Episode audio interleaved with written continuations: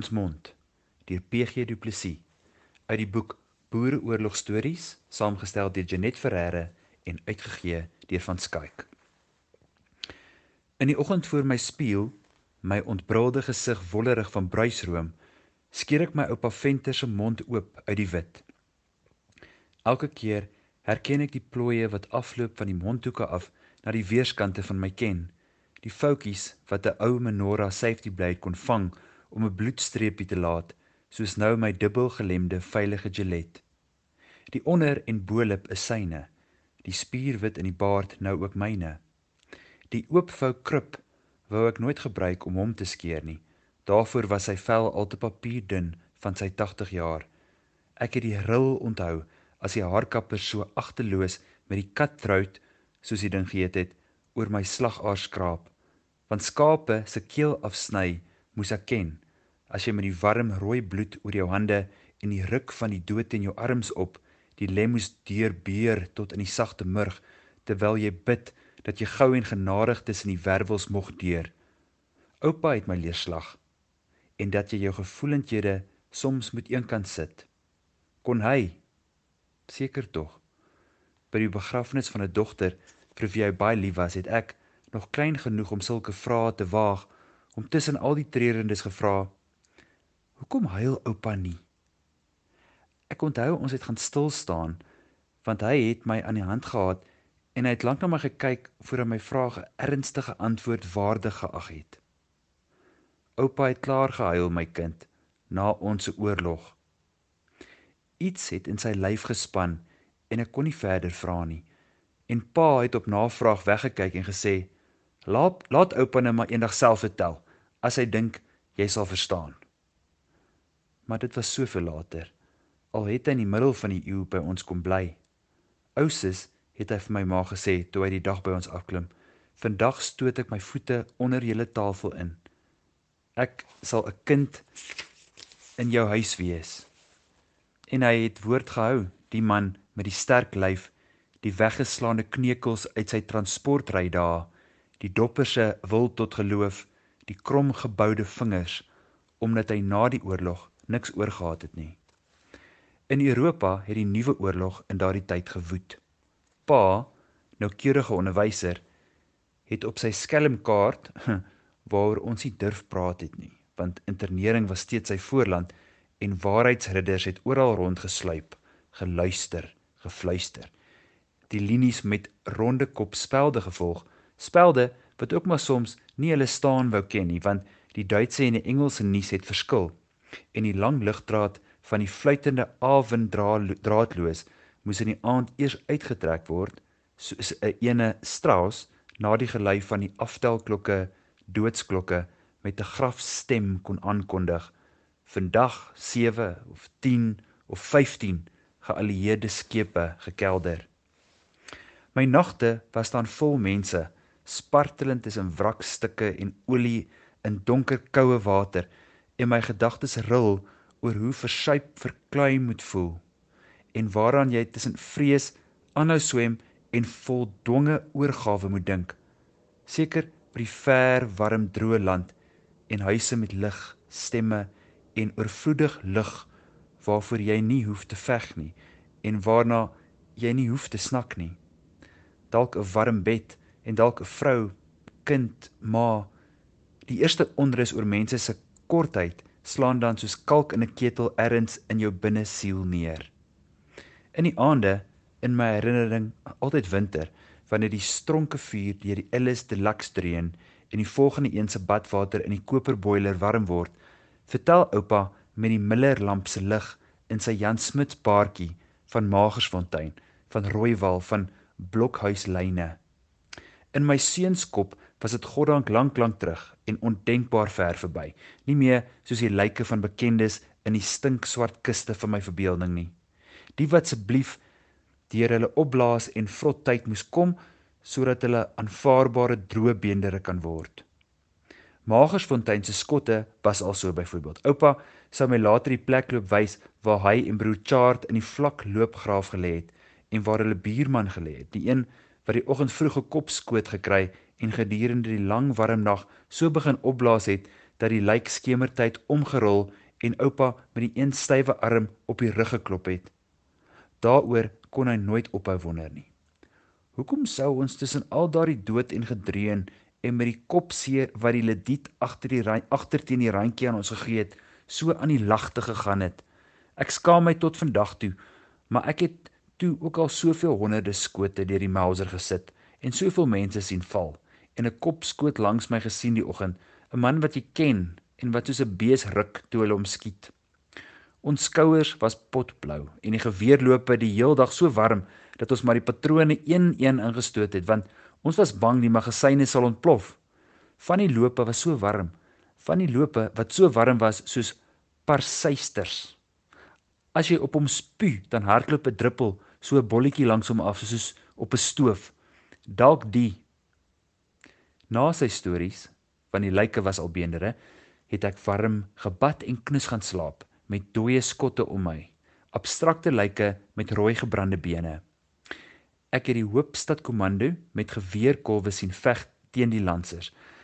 Ek het deur blokhuislinies gesluip gedurende die lang vlugnagte waar burgers van hulle perde afval en aanhou slaap sodat hulle wakker geskop moes word. Selfs die krygsgevangene kampe kon ek my verbeel waar 'n luis so heftig na jou toe aanstryk dat daar eintlik so 'n stoffie agter hom uitslaan. Want oupa was seker dat hy die regte ding en sy bes gedoen het. Baie seker. Is oupa nie bang vir die dood nie? vra ek. Oupa het vrede gemaak met die Here die tyd toe ek onder doodsvonnis was. So hoekom vra jy dan nog Pietman? Oupa was nie bang vir die dood nie want hy het dan vrede gemaak met die Here en bokant sy bed het sy vastigheid gehang. Die woorde Ebenezer tot hiertoe het die Here ons geholpen. Maar in die middag gaan loop ek en pa in die dorpsveld en praat oor Tennyson wat hy my leer lees. 'n Klompie reëls uit die Maud de Arthur is onrustig in sy stem. Nadat hy se Bedevere hoeveel keer gestuur het, is Arthur uiteindelik op die boot waarin hy 'n stippel gaan word op die Mere Kim en hy sê in pa se stem in pa se boere aksent met pa se verstaan but now farewell i am going a long way.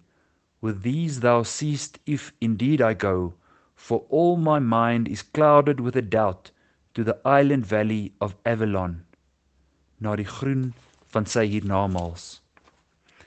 Where i will where i will heal me of my grievous wound en voeg pa by want ons het ook oor oupa gepraat. Long stood Sir Bedivere revolving many memories en oor die geskiedenis van leed en onthou. And on the mere the wailing died away. Dis die dubbele parentese van twyfels wat in pa sit. Die if indeed I go in die clouded with a doubt.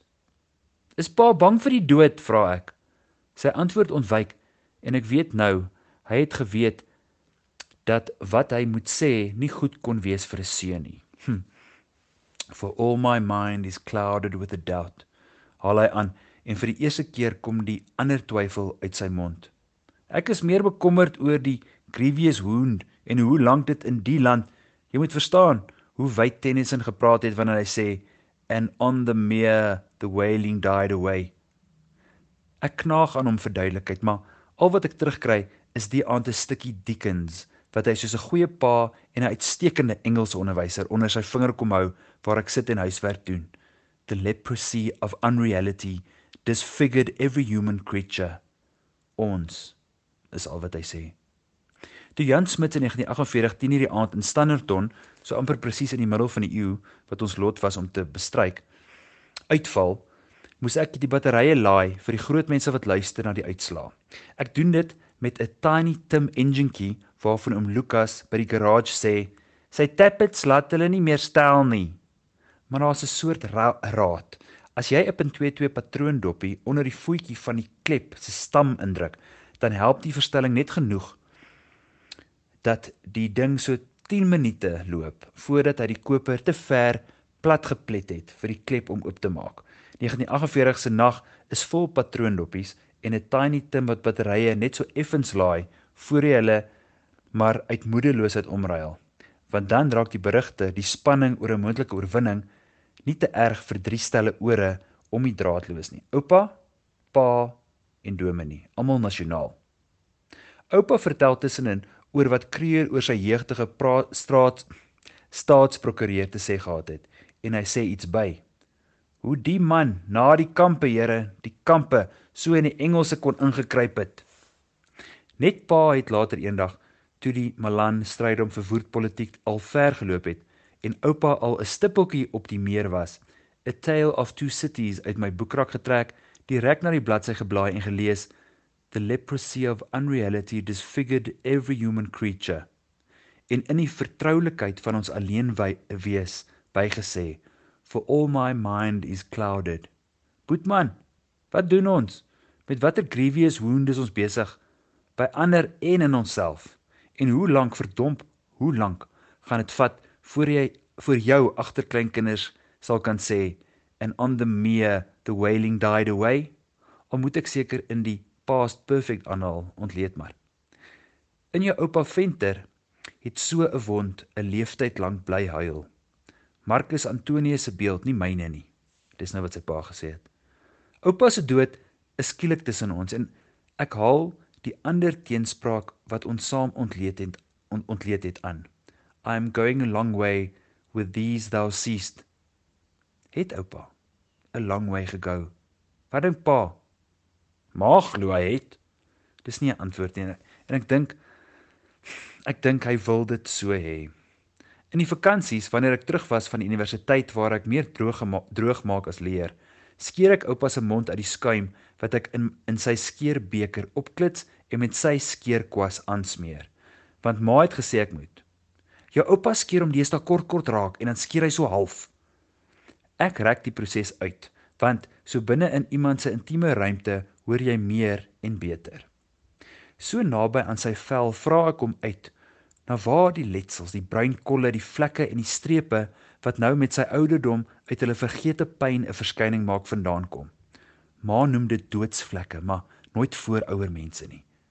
En hy vertel soos toe ek klein was van waar hy sy kneukel weggeslaan het op 'n handelaar wat hom oor eiers wou verneuk in die ou gewelddadige Johannesburg.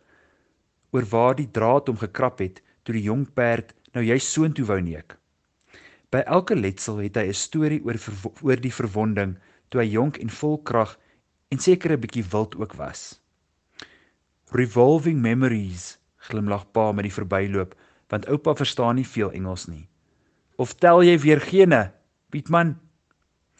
Pa spot bietjie met my, weet ek, want ons het 'n geskiedenis uit die middel van ons eeu toe ek jonger was. Daar was die dag toe hy woedend by my kamer ingekom en 'n boek op my bed laat neerfladder het, soos net 'n ou onderwyser 'n boek kan laat fladder. Lees, het hy gesê. Ek is moeg vir Calviniste wat Calvin nooit gelees het en allerlei dinge aan hom toeskryf. Pa kon sulke baie voor die domheid kry. Soos in sy laaste dae toe hy hoofouderling en sommer ook skriba vir die gemeente was. Dis vreeslik, het hy na 'n kerkraadsvergadering getuur. Om daar te sit tussen die spul vir wie hy elkeen skool gehou het. Jy ken elkeen se IK en voor hy opstaan kan jy al weet watter kaliber stront hy gaan praat. Daardie woord het ek hom net twee keer hoor gebruik deur al die jare, so hy moes kwaad gewees het. Maar al die dinge bring toe mee dat ek deur 'n kort begrip van Calvin se institusie moes worstel in Nederlands nogal. Dis wat aanleiding gegee het tot my gene tellery. Ons is deur die predestinasie met my heftige woede oor die regverdig die regverdigheidsimplikasies van uitverkiesing. En ons het dalk was dit nie eers meer Calvin nie, sommer katkasasie by die erfsonde aangeland waar kinders moet boet vir wat die ou mense aangevang het. Toe ek ontdek het en ek kon in my jeugtige waan van slimheid nie daaroor uitgepraat raak nie, dat met die fisiese oorgang van geslag tot geslag 'n mens in werklikheid twee helftes ongeveer van jou ouers is, fisies, regtig. Want elke mens is net die gekombineerde selle van sy ouers wat verder gegroei het, betoog ek. En dan is jy regtig, regtig net die saamgegooide 4 kwarte van jou oupas en oumas en 8 agtstes van jou grootjies en want gene is fisiese goed. So verklaar ek so verklaar ek toe die regverdigheid van die erfsonde. Pa glimlag toe ek sê, "So 'n kwart van my het in die Engelse oorlog geveg en nog 'n kwart was in die konsentrasiekamp en nog 'n kwart was op vlug met twee kleintjies in Bechuanaland en my ander kwart was 'n bitter einder by die wet." Die dat pa sê, daar waar oupa aan die skeer is, moet nou nie jou moet nou nie jou voorkwart raak skeer nie. Maar vir my is daar 'n nabyheid aan die gewese wonde, ook die een wat onverklaard bly, want oupa kan nie onthou nie. Dis 'n lang streep wat van langs sy oog afloop tot amper in die middel van sy wang. Dis duidelik 'n ou wond, maar hy kan nie onthou nie. Dis half of my kop die ding nie wil dink nie, probeer hy verduidelik, tot so 'n maand voor sy dood. Toe onthou hy. Piet man, nou onthou ek dit soos gister, sê hy sommer by die begin. Die wat nou, oupa? Die lange hier langs my wang af. Nou wat het oupa daar seer gemaak? Toe ek op komando gegaan het, het my jongste dogtertjie my op die perd gegroet en sy wou nie laat los nie. Hulle moes haar van my af wegskeer. Toe het een van haar naaltjies my so lank streep gekrap en die seerplek het lank gesweer tot amper die hele Magersfontein deur. Ek het alles geweet van oupa, verwyd ek ma daardie aand toe oupa al gaan slaap het. Hoekom het Male my nooit vertel hy het 'n vrou en kinders voor oorlede ouma en Male gehad nie? My kind, sê sy sagter as gewoonlik. Hoekom het jou oupa jou dan nie vertel nie? Ma het sulke goeie antwoorde gehad as sy wou. Maar sy vertel dat met dat wat met oupa gebeur het 'n gewone storie was wat met die Engels was met die Engelse oorlog. Mense wat mense verloor, vroue, mans, kinders, ouers, geliefdes mekaar en so bloedig voort soos oorlog nou maar is. Maar oupa was voor die oorlog getroud met 'n Letty. Dit was die eerste vrou se naam en hy het twee dogtertjies by haar gehad. Hulle is al drie in die kamp dood. Na die oorlog het hy toe met ouma Venter getrou en by haar het hy Male gehad. Ouma Venter se naam was Nettie. Die eerste vrou wat so jonk dood is, was Letty. Wat die volgende met die volgende dag se skeer vra ek: Hy vertel nie van hoe hulle gevry en saamgeleef het nie. Hy, hy vertel van hoe hy met so baie verwagtinge van die krygsgevangene terrein afgeklim het. Van hoe daar niemand en niks op die plaas oor was nie. Oor hoe hy begin soek en verneem het eers by Bloemfontein se konsentrasiekamp mense en van die lyste name wat hy sit en deurgaan het, van die lewendes en die dooies, van hoe hy gehoor het daar was so 'n vrou met twee dogtertjies in, in Allewal Noord se kamp van die perd huurdery wat hom amper sy laaste penny gekos het, van hoe hy die arme dier amper doodgemoor het van haastigheid en vrees, en van die leelyste op Allewil Noord, van hoe hy op die trein is Kimberley se kamp toe, en wat hy daar gekry het.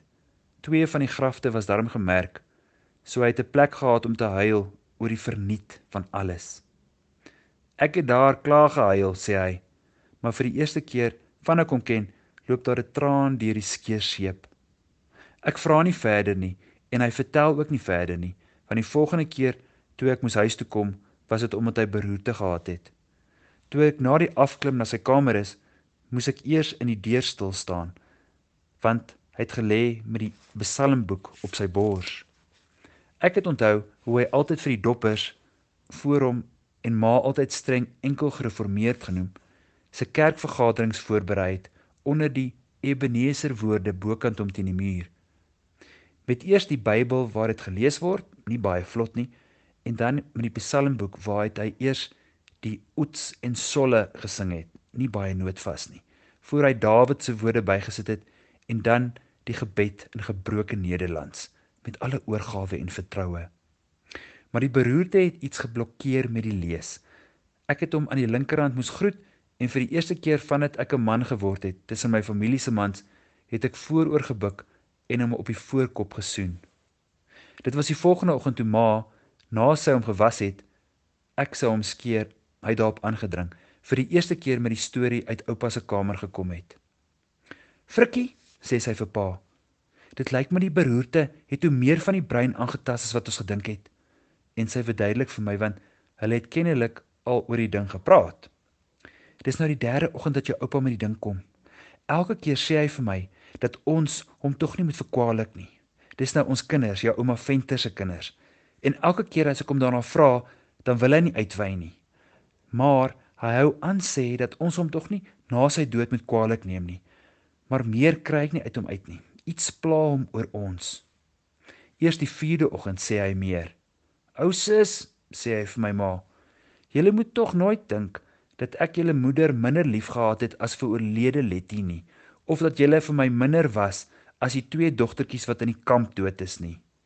En ma sê, sy het nie mooi geweet wat om te sê nie, en toe sê sy maar Maar pa, ons weet mos pa en oorle ma het 'n mooi en goeie huwelik gehad en pa was vir ons 'n goeie vader. Hoe kan pa dan nou Nee, ou sis, pa wil net hê jy moet weet. Die 5de oggend huil ma toe sy uit die kamer kom en sy haal oupa se woorde vir ons aan.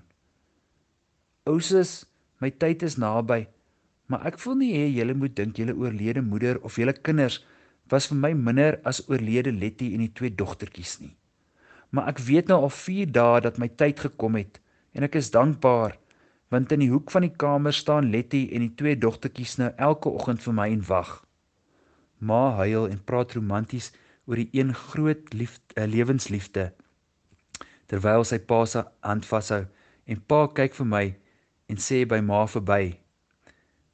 Dit was sy grievous wound.